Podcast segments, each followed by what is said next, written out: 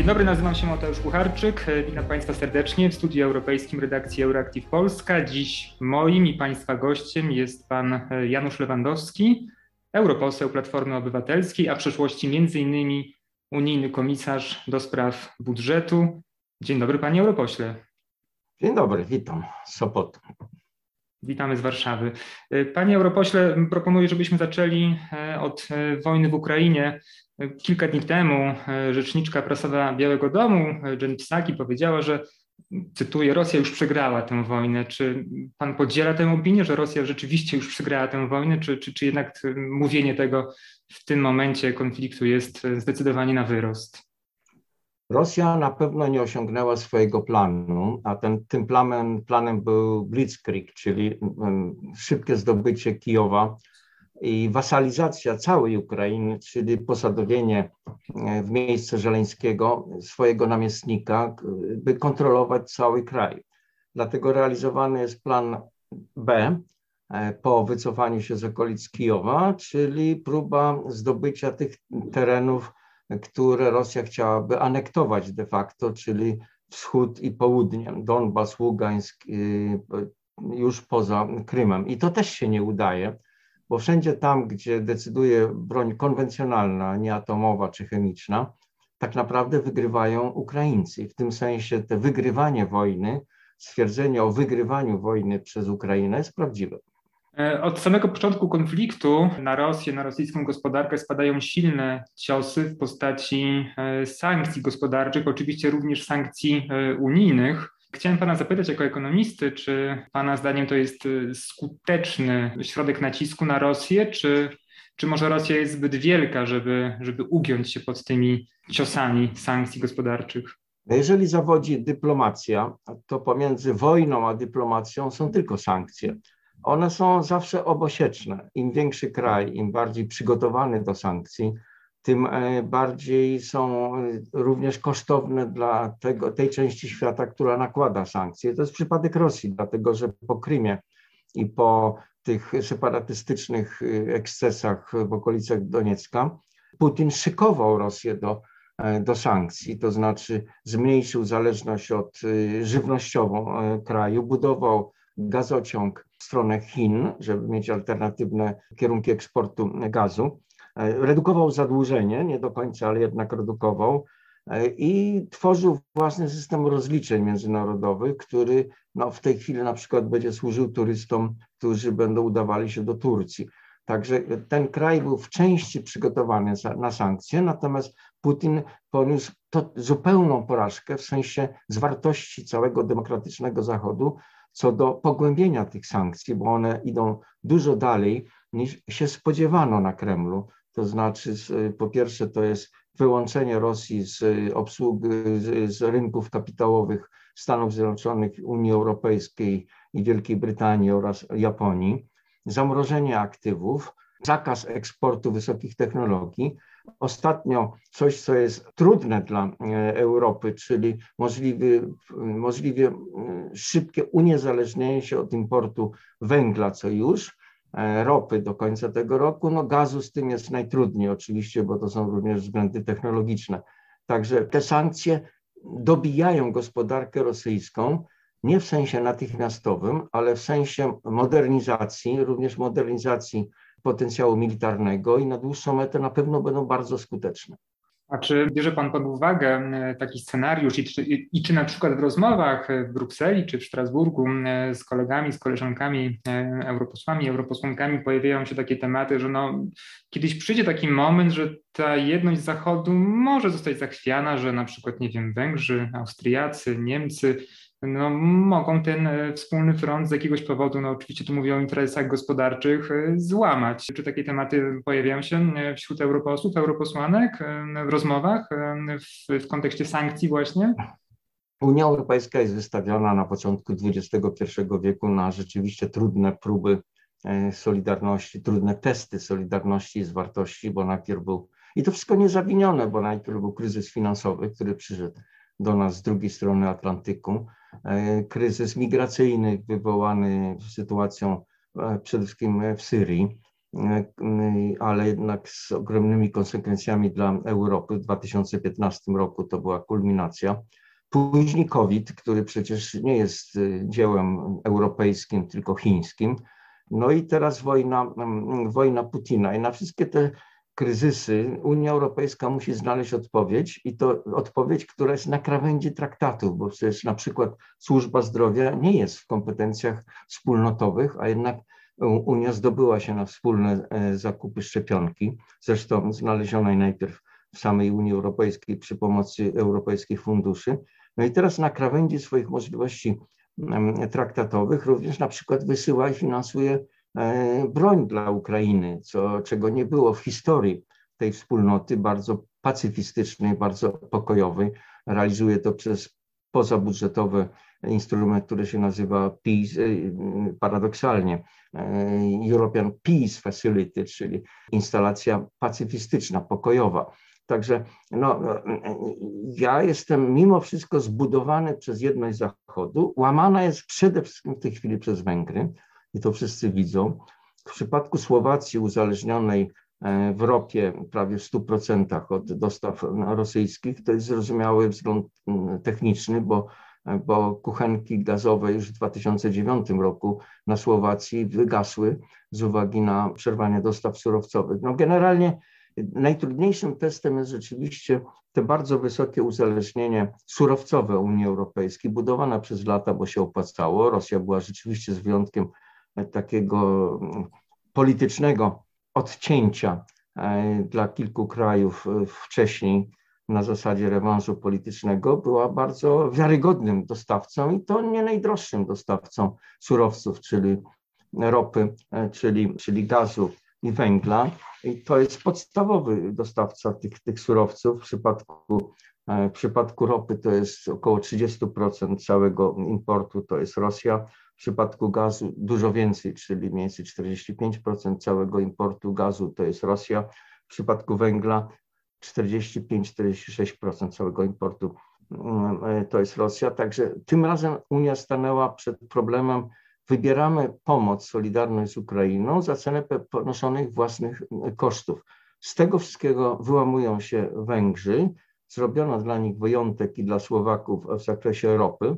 Natomiast głównym problemem jest gaz, bo rzeczywiście w ubiegłym roku, w momencie, kiedy kraje Unii, kraje NATO były notyfikowane o możliwości wojny, Orban e, uzależnił e, Węgry od e, dostaw rosyjskiego gazu, od Gazpromu na 15 lat, do roku 2036 i to poprzez połączenia inne niż ukraińskie dotychczasowe, czyli przez tak zwany Turkish Stream, który biegnie przez Turcję, e, Serbię. E, I to są te dostawy, z których Węgry nie chcą zrezygnować, czyli Węgry w tej chwili są tym łamistrajkiem Solidarności mhm. Europejskiej.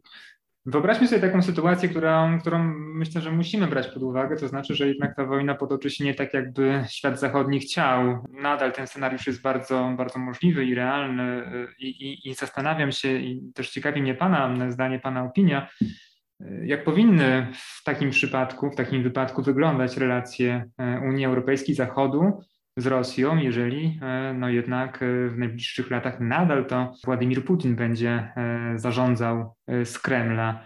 Czy Rosja powinna być izolowana, czy jednak w jakiś sposób wciągana do współpracy? Niezależnie od rozstrzygnięć militarnych, one na razie nie są dla Rosji korzystne. E, myśmy pożegnali się z ideą dobrego sąsiedztwa z Rosją. Ja uczestniczyłem w, jako komisarz w wyprawie wiele lat temu do Moskwy, cały samolot zapakowany komisarzami, w nadziei, że jest jakaś szansa na wspólny język. Nie będzie wspólnego języka.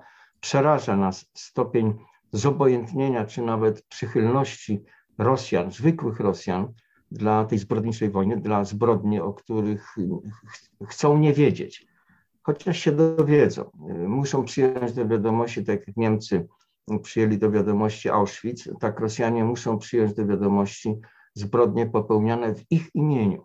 Więc tych relacji takich, o których ja też myślałem, że są możliwe i korzystne dla Europy, nie będzie, bo Czyli w tej chwili no, podział pracy jest następujący pomiędzy nami i Ukrainą. Ukraina walczy militarnie i niszczy potencjał militarny konwencjonalny Rosji. Naszym zadaniem jest takie osłabienie ekonomiczne Rosji i modernizacyjne Rosji, aby nigdy nie stała się już potęgą E, militarną w, przyszłości. To jest możliwe. Ten cel jest właśnie w ten sposób realizowany, że jest zakaz eksportu wysokich technologii e, do Rosji, e, co sprawi, już w tej chwili zatrzymuje fabryki czołgów, ale powinno to sprawić również zatrzymanie tego potencjału wraz z upływem, z ucieczką tych najlepszych mózgów z Rosji. To jest, to jest nasze zadanie. Rosja nie powinna już nigdy, w tej chwili jest zaledwie 11 potęgą gospodarczą świata, czyli to jest potencjał niewiele większy niż Hiszpania, czyli nie jest już potęgą gospodarczą. Naszym zadaniem jest maksymalne osłabienie zdolności ekonomicznych Rosji, tak aby nigdy nie były przekuwane w potęgę militarną. A gdyby e, zrealizował się jednak e, inny scenariusz i na Kremlu pojawił się polityk, no powiedzmy, oczywiście pamiętając o wszystkich e, różnicach pokroju Gorbaczowa i, i przestawił Rosję na nieco przyjaźniejsze sąsiedztwo, czy wtedy Zachód powinien wyciągnąć rękę do Rosji, czy jednak obarczyć ją jak kiedyś Niemcy reparacjami wojennymi idącymi w setki, nie wiem, miliardów, być może e, bilionów dolarów czy euro, czy wtedy ten scenariusz współpracy powinien być również mało przyjazny z punktu widzenia Zachodu, czy jednak wtedy tą rękę należałoby wyciągnąć? To jest przyjemne w toku tych zbrodniczych doniesień, żeby wybiec w przyszłość, w sytuację, w której rzeczywiście e, pojawiają się ekipy budowlane, sprzęt zamiast czołgów na terytorium Ukrainy. I e, to będzie możliwe, bo widać solidarność bogatego świata Zachodu na rzecz swojego rodzaju planu Marszala dla, dla Ukrainy. I to się powinno ziścić w tym optymistycznym scenariuszu. Natomiast jeśli chodzi o Rosję, jestem pesymistą, dlatego e, że obserwuję nastawienie społeczeństwa rosyjskiego. To musi zaboleć społeczeństwo rosyjskie, dlatego że poparcie dla zbrodni musi boleć, tak jak bolało Niemców i Niemcy musieli dźwigać brzemię odpowiedzialności za Auschwitz, za, za zbrodnie popełnione w czasie II wojny światowej, skoro popierali Hitlera, do końca praktycznie społeczeństwo niemieckie popierało e, e, Hitlera. Także reparacje muszą być wymuszone na rzecz odbudowy Ukrainy. Nie będzie reparacji dobrowolnych, nie będzie dobrowolnego wyjazdu Putina czy jego generałów do Hagi, żeby się stawić przed Trybunałem. Było to możliwe w przypadku zbrodniarzy na terytorium byłej Jugosławii, nie będzie możliwe w przypadku Rosji, więc te e, reparacje muszą być wymuszone. One muszą opiewać na tym zamrożonym majątku państwowym Rosji. Dużo trudniej w sensie prawnym, międzynarodowym jest sięgnąć po nie tylko zamrożenie, ale konfiskatę na ten cel prywatnych majątków oligarchów, którzy są wspólnikami, wspólnikami e, e, Putina. Natomiast mój pesymistyczny scenariusz opiewa na to, że jeżeli nie będzie Putina, to w jego miejsce się może pojawić nacjonalista pokroju Żyrynowskiego. E, myśmy gościli w Parlamencie Europejskim córkę Nawalnego, pełną optymizmu, która mówiła, że jedynym problemem Rosji jest Putin. Nie. E, problemem e, Rosji nie jest tylko Putin, tylko nastawienie tego społeczeństwa, które nigdy nie zaznało szczypty demokracji czy, czy praworządności. Także pesymistyczny scenariusz to jest Rosja upokorzona tym, tą porażką z mniejszym krajem, bo już była upokorzona w Afganistanie, ale Rosja, w której pojawi się dyktator jeszcze bardziej nacjonalistyczny niż Putin. I z taką Rosją nie będzie już nigdy możliwy normalny dialog. Trzeba Rosję izolować, trzeba Rosję skazać na, na zacofanie gospodarcze, bo zacofanie gospodarcze przekłada się na zacofanie militarne. Panie pośle, chciałbym porozmawiać o konsekwencjach społeczno-gospodarczych wojny w Ukrainie, ale oczywiście nie tylko, bo e, mam na myśli inflację. Inflacja towarzyszy nam już od, od dłuższego czasu i, i, i mam takie wrażenie, że ta cała dyskusja dotycząca inflacji też ożywiła inną z dyskusji dotyczącą przyjęcia euro w Polsce Wydaje się, że na razie strona rządząca nie jest zainteresowana realizacją tego scenariusza, ale gdyby była taka polityczna możliwość, pan optowałby za tym, żeby, żeby w Polsce euro przyjąć w tym momencie? W tym, oczywiście w tym momencie nie byłoby to możliwe, ale zacząć drogę do tej, do realizacji. Oddalamy się od euro poprzez bardzo nieprzejrzysty stan finansów publicznych, bo przecież wiemy, że parlament sprawuje kontrolę nad cząstką polskiego budżetu. Wszystkie inne wydatki związane z COVID-em, z wojną e, są upychane w rozmaite inne pozabudżetowe e, fundusze. Także nie znamy stanu polskich finansów publicznych, ale na pewno nie przybliża nas do kryteriów przyjęcia euro. Ja jestem zwolennikiem, by w czasach niespokojnych, a ta geopolityka, to jest koniec urlopu od geopolityki. Moje pokolenie po 1989 roku rzeczywiście budowało Polskę w czasach takiego spokoju geopolitycznego, którego Polska e, w poprzednich pokoleniach nigdy nie zaznała. Ale mamy koniec urlopu od geopolityki, mamy ciągle zagrożenia terrorystyczne, mamy ciągle e, uchodźców e, na terytoriach Syrii i, i Turcji eksportowanych przez Łukaszenkę. To jest klimat niespokojny, w którym niezwykle rośnie w takich krajach, które są pozbawione euro, koszt obsługi własnego zadłużenia.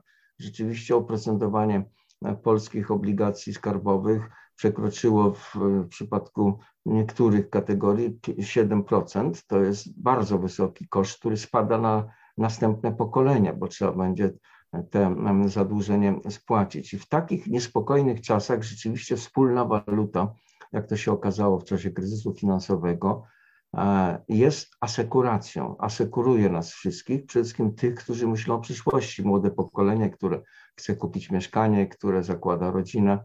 E, w ten sposób osiąga pewne bezpieczeństwo ekonomiczne. Więc warto o tym w tej chwili otwarcie mówić. W jaki sposób, jeżeli mogę tak zadać to, to pytanie, e, odpowiedziałby Pan na argumenty przeciwników euro, wprowadzenia euro, którzy twierdzą, że no jest to taki, wydaje mi się, koronny e, argument przeciwników przyjęcia wspólnej waluty, e, że własna waluta, czyli w tym przypadku złoty oczywiście w Polsce, jest potrzebna, aby, no, aby amortyzować to, co się dzieje w gospodarce. Czy, czy, czy Pan się zgadza z taką opinią? Czy jest to, nie wiem, stwierdzenie na wyrost? Bywają sytuacje w czasie kryzysu finansowego, być może ta możliwość wpływu na własną walutę trochę pomogła Polsce. Mogę się z tym zgodzić jako zwolennik euro. No i na pewno widać było, że wspólne zasady dyrygowane e, z Frankfurtu przez Europejski Bank Centralny bardziej pasują silnym gospodarkom, a mniej pasują Grecji, czy Hiszpanii, czy Włochom. Natomiast w tej chwili e, ta argumentacja dotyczy wiarygodności dotyczy gotowości inwestowania w naszym kraju, e, gotowości podróżowania do naszego kraju jako kraju frontowego. I wydaje mi się, że ta wspólna waluta i jej e, zalety przeważają nad pewnymi niedogodnościami waluty, która e, co do zasad jest kreowana, kreowana w, w takim ośrodku jak Frankfurt dla wszystkich krajów. Niekoniecznie musi urządzać wszystkie kraje, bo dotyczy E, dotyczy jednej zasady dla wszystkich. Zmierzając gdzieś powoli do końca naszej rozmowy, chciałem zapytać jeszcze o dwie istotne rzeczy. Jedną e, jest Europejski Zielony Ład. Rozmawialiśmy trochę o, o gazie, o węglu. E, też oczywiście pojawiła się w naszej rozmowie ropa naftowa sprowadzana z Rosji. Pojawia się w debacie publicznej wiele opinii sugerujących, że, że polityka klimatyczna Unii Europejskiej w obliczu tego, co się dzieje od 24 lutego powinna zostać w jakiś jakiś sposób zahamowana, wstrzymana, no te ambitne założenia powinny gdzieś e, być zastopowane. Czy pan się zgadza z taką opinią, czy wręcz przeciwnie? Twierdzi pan, że to jest właśnie taki moment, że trzeba jeszcze przyspieszyć te działania, żeby się jak najszybciej odciąć od paliw kopalnych? Zielony Ład był ogłoszony zanim wybuchła epidemia e, COVID-19 e, i właściwie to COVID sprzyjał naszym ambitnym celom. Europa chce być mistrzem świata w zakresie redukcji e, emisji CO2 o 55% roku 2030, dlatego że COVID w pewnym stopniu zamroził gospodarkę i sprzyjał tym celom.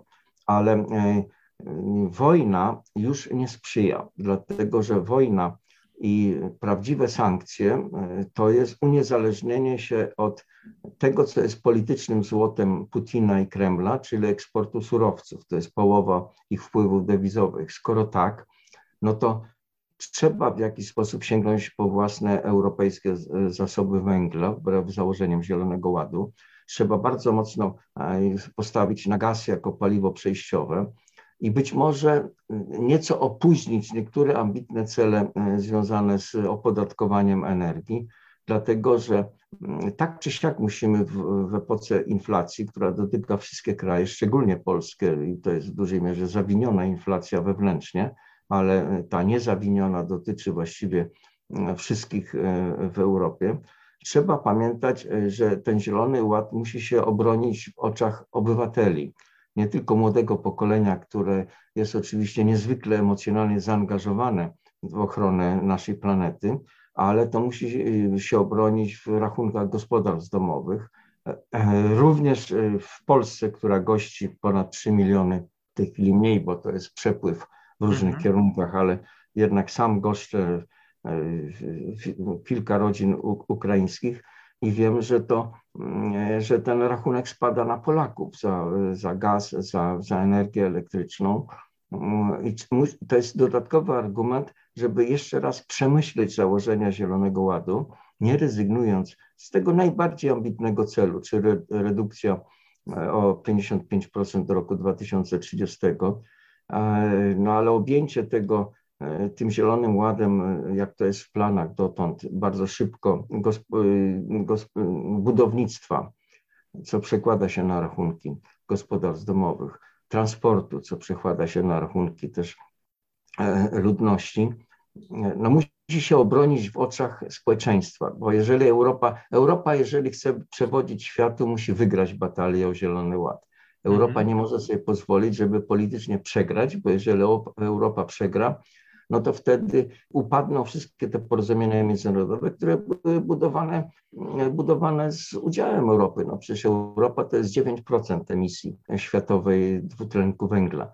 My mhm. sobie nie poradzimy samodzielnie, Trzeba namówić Chiny, trzeba namówić Stany Zjednoczone. W przypadku Trumpa było to niemożliwe, w przypadku Bidena jest to możliwe. Amerykę Południową, e, Indię. Wtedy tylko ta batalia o uratowanie planety jest skuteczna. Więc przede wszystkim Europa musi wygrać batalię, żeby przewodzić światu, żeby wygrać batalię, musi zważać na skutki dla gospodarstw domowych, bo jesteśmy wspólnotą krajów demokratycznych. Liderzy, którzy stanowią te cele, muszą być wybrani żeby te cele realizować.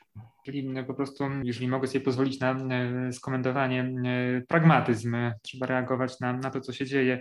E, panie europośle, ostatnie pytanie. Kilka dni temu świętowaliśmy, obchodziliśmy 18. rocznicę wejścia Polski do Unii Europejskiej. Chciałbym zapytać, może nieco przewrotnie, żeby nie wracać do przeszłości, ale też wybiec w przyszłość, bo też finiszują prace konferencji w sprawie przyszłości Europy.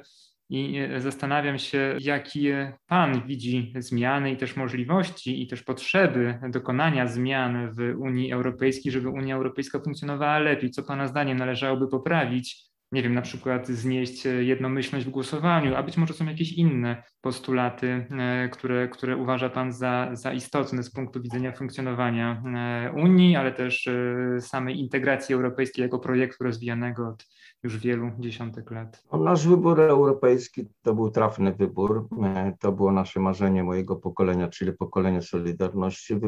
To był wybór pańskich rodziców. Ja się boję, że takie okazje jak właśnie Future of Europe to są okazje, e, żeby wymyślać e, Unię Europejską na nowo. Wtedy aktywizują się rozmaici intelektualiści, oni uwielbią takie szaleńcze podróże w przyszłość Unia od początku rozwija się bardzo pragmatycznie.